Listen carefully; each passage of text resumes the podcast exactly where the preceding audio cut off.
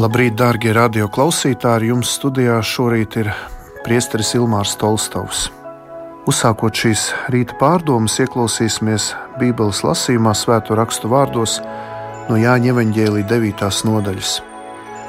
Garām ejot, viņš ieraudzīja cilvēku, kas no dzimšanas bija neredzīgs. Viņa mācekļi viņam jautāja, rabi, kas ir grēkojis viņš pats vai viņa vecāki, ka viņš neredzīgs piedzimis.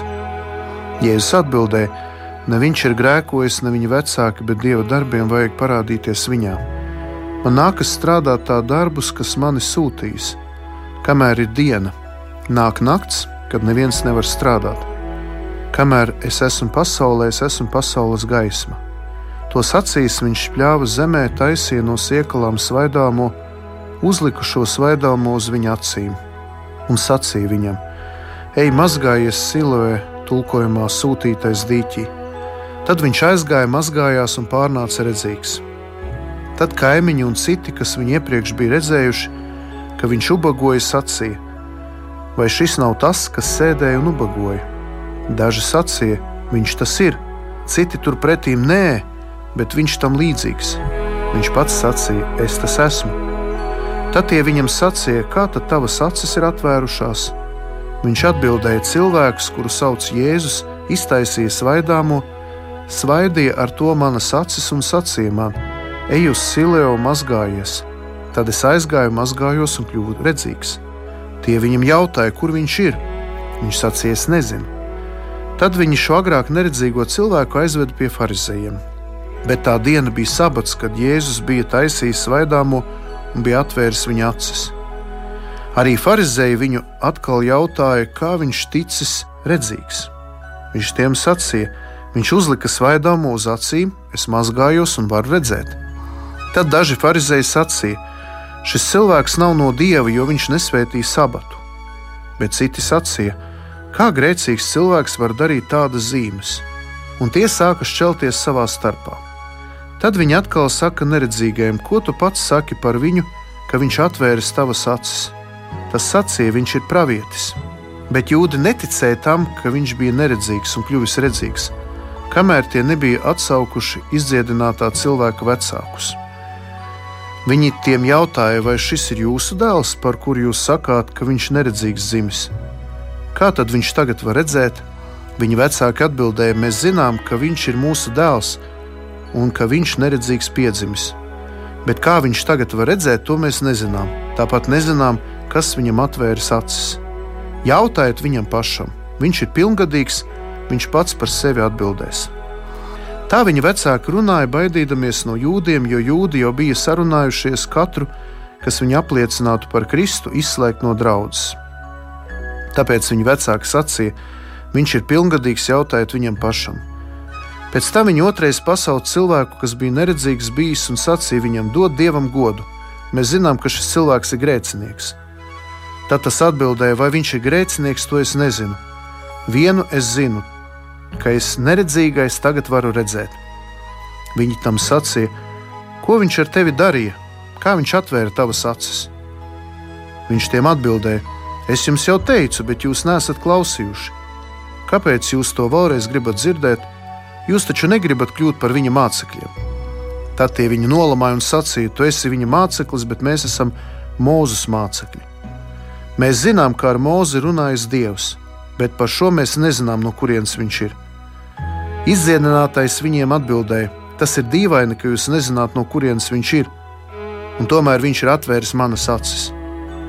Mēs zinām, ka Dievs grēciniekus neuzklausa, bet ja kāds ir dievbijīgs un dara dievu prātu, to viņš klausa. Nemūžam vēl nav dzirdēts, ka kāds būtu atvēris cilvēkam acis, kas neredzīgs piedzimis. Ja viņš nebūtu no dieva, viņš neko nevarētu darīt. Tie viņam atbildēja: Tu viss esi grēkos dzimis, un tu mūs gribi mācīt, un tie viņu izzina ārā. Jēzus dabūja zināt, ka viņi to izzinuši ārā, un saticis to viņš sacīja: Vai tu tici cilvēka dēlam? Tas atbildēja: Kungs, kas tas ir, lai es varētu viņam ticēt? Jēzus viņam sacīja: Tu esi viņu redzējis, kas ar tevi runā, tas viņš ir. Viņš teica: Es ticu, kungs, un to pielūdzu. Un Jēzus sacīja uz tiesu: Es esmu nācis šajā pasaulē, lai tie, kas neredz, kļūst redzīgi, un tie, kas redz akli. To dzirdēja daži farizēji, kas bija pie viņa, un viņam sacīja: Mēs taču neesam akli. Jēzus viņam sacīja: Ja jūs būtu akli, jums nebūtu grēka, bet tagad jūs sakāt, mēs redzam, tāpēc jūsu grēks paliek. Tie ir svēto rakstu vārdi. Darbie radioklausītāji! 8. klases mācību grāmatā, ko māca skolēniem Latvijā, es atradu šādu apgalvojumu. Eiropas vēsturē laiku no 17. gadsimta beigām līdz Lielajai Franču revolūcijai sauc par apgaismības laikmetu. Apgaismība bija garīga kustība, kas par visu lietu mēru uzskatīja cilvēka prātu. Nostiprinājās pārliecība, ka cilvēka prāts ir visaptverošs un nekļūdīgs. Viss, ko nevarēja pierādīt ar prāta palīdzību, tika uzskatīts par maldiem, aizspriedumiem un māņticību. Un patiešām būtu ļoti dīvaini mūsdienās, kad esam jau pārgājuši no modernā, jeb modernisma laikmetu uz post-postmodernismu, jeb postfaktuālo laikmetu, apšaubīt gan senās apgaismības idejas, gan mūsdienu apgaismotāju tēzes.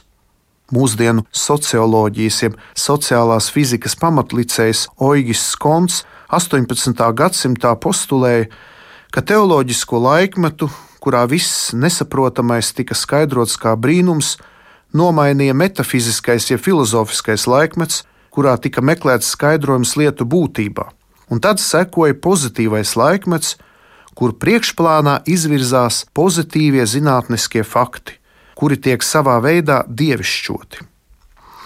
Līdz ar to par patieso gaismas un realitātes nesēju kļūst prāts un zināšanas, kuru nevar neviens apšaubīt, un ticība pārdabiskajam tiek uzlūkota ar milzīgu skepsi un aizdomām.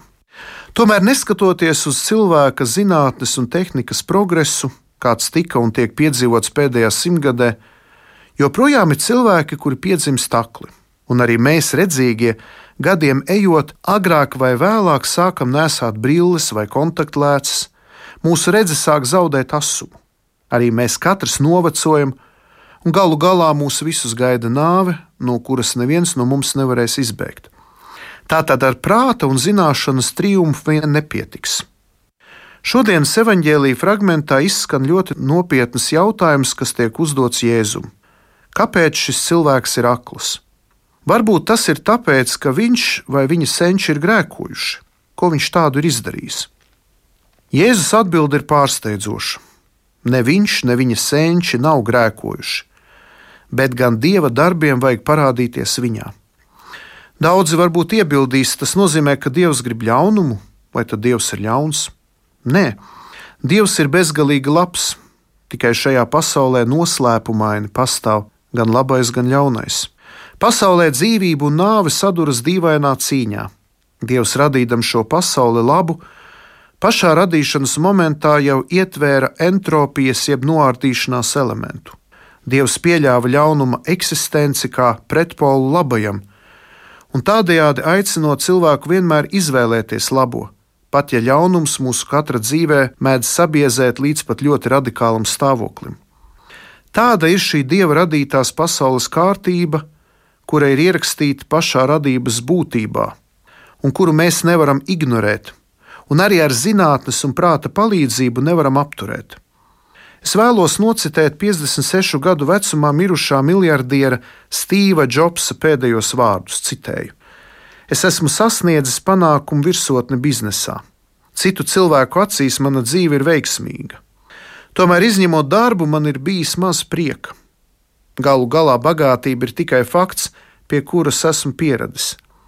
Šobrīd, guļot savā slimības gultā, atceroties visu savu dzīvi, Es saprotu, ka visa atzinība un bagātība, ar kuru es ļoti lepojos, ir izbalējusi un kļuvusi bezjēdzīga, saskaroties ar nenovēršamo nāvi. Jūs varat nolikt kādu, lai vadītu jūsu automašīnu vai pelnītu naudu, bet jūs nevarat nolikt kādu, kas slimotu un mirtu jūsu labā. Pazaudētās materiālās lietas var atkal atrast, bet ir viena lieta, ko nekad nevar atrast, kad tā ir pazaudēta, un tā ir dzīve. Lai kādā dzīves posmā mēs šobrīd atrastos, ar laiku mēs saskarsimies ar dienu, kad aizveras priekškars. Mīli savu ģimeni, savu dzīves biedru un draugus, izturies pret viņiem pareizi lolotos. Kļūstot vecākiem un gudrākiem, mēs lēnām saprotam, ka valkājot pulksteni par 300 vai 30 dolāriem, abi rāda vienādu laiku. Neatkarīgi no tā, vai mums ir 300 vai 30 dolāru maksa vai somiņa, summa iekšpusē ir vienāda. Neatkarīgi no tā, vai mēs braucam ar 150 tūkstošu dolāru vai 30 tūkstošu dolāru vērtu automašīnu, ceļš un attālums ir vienādi un mēs sasniedzam vienu un to pašu galamērķi.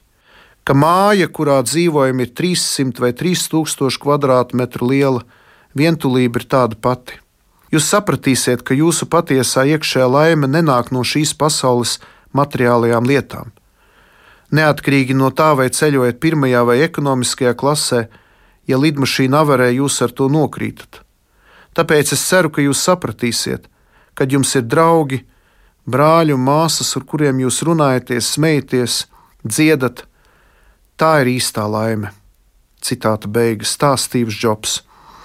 Visos laikos cilvēkam ir tendence palikt iedomīgam, un dažreiz viņam piezoga sajūta, ka dieva it kā nav. Vai arī, ja viņš ir, tad viņam nav nekādas daļas par mūsu dzīvi, par pasauli. Neskatoties uz cilvēciskā prāta un zināšanu triumfu pēdējās simtgadēs, ir redzams, ka arī cilvēka imanencē, jeb laicīgumā ieslēgtā prāta un zināšanu šaurību un totālās sekas ir acīm redzamas. Cilvēkā pašā nav tik daudz gaismas, lai spētu izgaismot pašam sevi, kur nu vēl apkārtējo pasauli. Jā, cilvēka prātam ir liels potenciāls, un to mēs redzam zinātnes attīstībā un jaunākajos izgudrojumos. Tomēr šaušalīgie kari, holokausts, totalitārās ideoloģijas, Arī mūsdienu saspīlētā starptautiskā situācija mums rāda, ka tikai ar cilvēka prātu un iekšējiem resursiem vien nepietiks. Ir vajadzīgs apgaismojums no ārpuses, kuram mūsdienu cilvēks arvien vairāk un vairāk sāk neusticēties. Apgaismības un reformācijas rezultātā Eiropas filozofiskā un teoloģiskā doma aizvien vairāk sāka radikāli nodalīt ticību no prāta, zinātni no ticības, uzsverot šo soli tikai, tikai ticība, tikai žēlastība, tikai raksti, un arī tikai zinātne, tikai prāts, tikai progress. Un tādā veidā atdalīja izstūma dievu un pārdabisko pasauli no cilvēka un viņa cilvēciskā realisma. Dieva klātbūtne, viņa dotā žēlastības gaisma neuzbrok mūsu cilvēciskumam un reizē arī neatrisina visas šīs zemes problēmas cilvēka ierobežotais prāts joprojām paliek ierobežots un aptumšots. Mēs joprojām paliekam ierobežoti un pakļauti slimībām, ciešanām un beigu beigās arī nāvei. Tomēr tā gaisma, kas nāk no dieva, palīdz pārvarēt mūsu cilvēciskos ierobežojumus un atvērties pārdabiskajam, tam, kas pārsniedz mūsu prāta spējas un cilvēciskos ierobežojumus. Jēzus šodien iet garām kādam cilvēkam, kurš bija neredzīgs no dzimšanas. Aklums ir liela traģēdija cilvēka dzīvē. Vairākus gadus braucu pie neredzīgiem un vājredzīgiem cilvēkiem Rīgā, Juglas neredzīgo ciematā un sociālajā centrā. Es ļoti pārdzīvoju šo cilvēku ciešanas. Daudzi no mums var pateikties Dievam, ka esam redzīgi, tomēr vēl lielākas briesmas ir iekšējais garīgais aklums. Gavēņa laika svētdienas lasījumos mēs tiekam pakāpeniski virzīti uz Lieldienu svētku noslēpumaino kulmināciju ūdens, gaismas, tumsas, nāves un dzīvības sadursmi. Iepriekšējā svētdienā mēs bijām kopā ar Jēzu pie Jēkabakas, kur Jēzus intensīvā un spraigā dialogā ar samariešu sievieti atklāja, ka viņā ir resursi, lai remdētu mūsos esošās eksistenciālās slāpes, pēc savas dzīves piepildījuma, pēc mūžīgās dzīves. Šo svētdienu Jēzus atklājas kā universālās gaismas avots kurš ir nācis izgaismot visus mūsu katra dzīves vistumšākos nostūrus. Jēzus šodien uzsver, ka viņš ir pasaules gaisma. Tālākajos notikumos mēs redzēsim dažādas sabiedrības grupas, kurai katrai ir sava akluma pakāpe. Izdziedinātā cilvēka kaimiņi viņu vairs nepazīst. Tad, kad Dievs pieskaras, tad cilvēks mainās, tā ka pārējie viņu vairs nepazīst. Jo bieži vien ir uzskats, ka, ja cilvēks ir kļuvis par kristieti, tad viņš ir kļuvis par fanātiķu un apmātu cilvēku. Cik gan daudzi kristieši šobrīd Latvijā piedzīvo mobbingu par to, ka viņi tic dievam un iet uz baznīcu. Izskatās, ka ar katru gadu pieaug neiecietības un naida izpausmes attiecībā pret kristiešiem Latvijā. Gadījums ar dažādu konfesiju garīdznieku viesošanos skolā ogrē jau par to liecina. Neredzīgā cilvēka kaimiņi vēl ir akli, bet redzīgais redz. Izdziedinātais cilvēks iegūst jaunu seju un jaunu sirdi, izmainās viņa dzīve, Dievs viņā visu atjauno.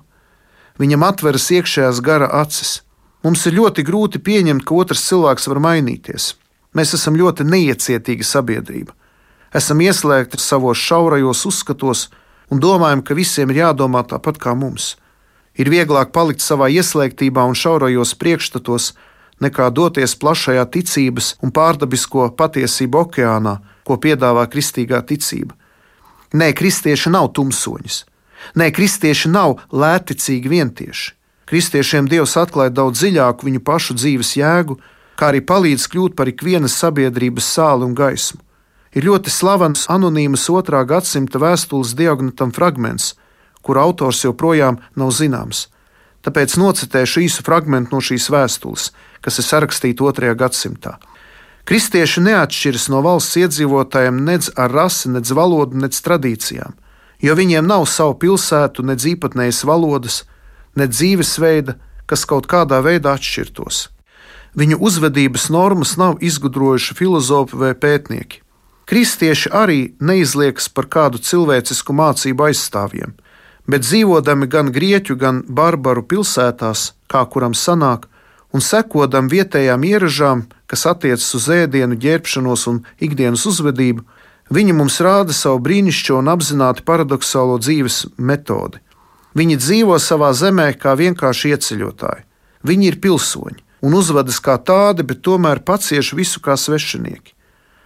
Katra sveša zeme ir viņiem kā mājas, un dzimtā zeme kā sveša.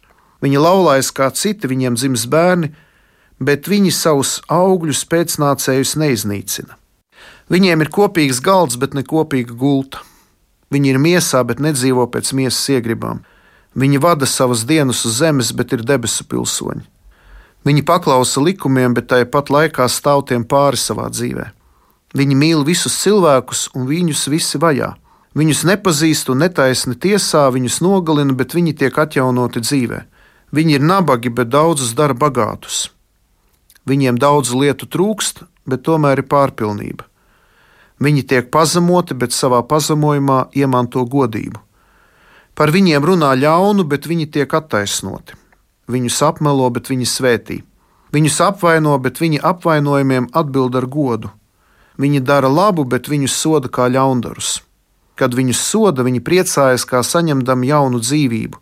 Jūdi viņiem uzbrūk kā svešiniekiem, grieķi viņus vajā, bet tie, kas viņus ienīst, nespēja racionāli pamatot savu naidu.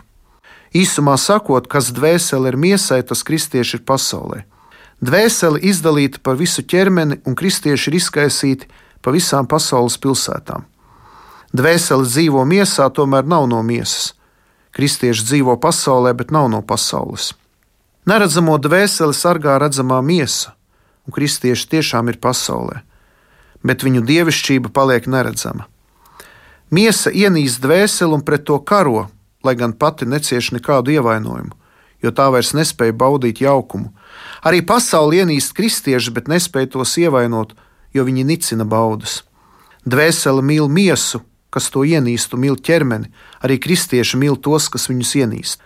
Dvēsele ir ieslodzīta miesā, tomēr tā uztur to pašu miesu. Un kristieši ir ieslodzīti pasaulē kā cietumā, un tomēr viņi ir pasaules sargi glabātāji. Nemirstīgā dvēsele dzīvo mirstīgā teltī, un kristieši dzīvo kā ieceļotāji, ievainojumos ķermeņos gaidīdami neievainojumu mājvietu debesīs. Dvēsele, ja tai trūkst ēdienu un dzērienu, kļūst tikai labāk. Līdzīgā veidā kristieši, lai arī dienas tiek pakļauti sodam, vēl jau vairāk pieaug skaitā. Dievs viņiem piešķīra šo izcilo vietu, ko viņi likumīgi nedrīkst atstāt. Citāta beigas. Un noslēgumā aplūkosim vēl vienu grupu, kas šodien parādās šodienas evaņģēlijā, un tie ir farizēji. Viņiem viss ir skaidrs. Viņi visu zina. Viņi ir visgudrākie un pareizākie. Viņi ir gatavi arī Dievu pamācīt, kā viņam ir jārīkojas. Arī mēs tādi esam. Tad, kad kļūstam par kristiešiem, kļūstam neiecietīgi pret tiem, kas nav kristieši, pret tiem, kas domā un rīkojas savādāk. Sākam viņus notiesāt par viņu neticību, bet viņi jau nav vainīgi, ka nav spējuši ieticēt, atvērties dieva žēlstībā un vēl šobrīd nav dieva gaismas apgaismoti. Arī mums, kristiešiem, ir jāmācās iecietība un žēlsirdība pret tiem, kas domā citādāk nekā mēs. Jo tādi ir farizēji, iedomīgi, pārgudri un savā reliģiozitātē ieslēgušies. Viņi neredz izdziedināto cilvēku, to, ka Jēzus viņam ir devis pilnīgi jaunu iespēju dzīvot. Viņi redz tikai savu un pieķeras ārējam sabata likumu ievērošanas burtam un rituālam. Kad viņi nevar apšaubīt izdziedināšanas faktu, viņi apšauba cilvēka slimību un aicina izdziedinātā vecākus, kuri bailēs no iztumšanas nevēlas apliecināt izdziedināšanu, bet visu vainu uzveļ pašam izdziedinātajam. Vēlākais farizēja dialogs ar izdziedināto vēl vairāk apliecina, ka farizēji nevēlas atzīt reālo dziedināšanas faktu un paliek savā noslēgtībā. Tātad izdziedinātā cilvēka sirds ir mainījusies. Viņš drosmīgi apliecina, ka Jēzus ir tas, kurš viņam dāvāja dziedināšanu, un to var darīt tikai cilvēks, kuram ir dievišķs spēks.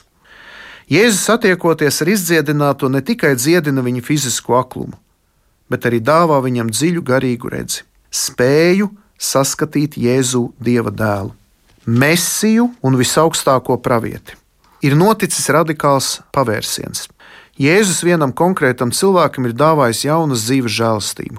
Jēzus šodien saka, uz tiesu es esmu nācis šajā pasaulē, lai tie, kas neredz, kļūst redzīgi, un tie, kas redz, akli. Kā ir ar mani? Jēzus šodien dod atbildi, viņš ir mūsu dzīves eksistenciālais pamats. Nav cita vārda debesīs un virs zemes, kurā mēs varētu tikt glābti. Šodien Jēzus mums katram, katram radio klausītājam, piedāvā iespēju mainīt savu dzīvi, atgriezties no grēkiem, nožēlot un izsūdzēt tos. Laiks ir īss, mēs nezinām, kas būs rīt. Visas mūsu drošības sistēmas, saliņas un iestrādātās staciņas šodien ir sabrukušas, īpaši mūsdienu nedrošajā sociālajā, politiskajā un ekonomiskajā sfērā. Un, ja kāds domā, ka varēs palikt tikai un vienīgi savā drošības teritorijā, tad tie ir maldi. Jēzus mūs šodien, katru visu Latviju un pasauli aicina uz totālu, radikālu un pilnīgu atgriešanos. Jēzus vēlas mūs dziedināt no mūsu grēka un neticības akluma. Šodien visa pasaule ir nedroša, un mūsos katrā iezogas eksistenciālas bailes. Kas būs, kā būs? Jēzus šodien mums katram dod atbildi: Mans dārgais, mans maziņais, nebīsties! Es esmu ar tevi! nožēlo savus grēkus, izsūdz tos garīdzniekam, atsakies no iepriekšējās dzīvesveida un sāc veidot ar Jēzu personīgas un dziļas attiecības. Jēzus par mums katru nomira pie krusta, izlēja savas dārgās asinis un augšām cēlās, uzkāpis debesīs, atsūtīja svēto garu un nodibināja baznīcu. Jēzus vēlas šodien mums katram, tev un man, pieskarties un piedāvāt mums jaunu dzīvi. Varam kopā ar apakstuli Pāvilu teikt, mosties, kas guli un celies no miroņiem un tevi apgaismos Kristus.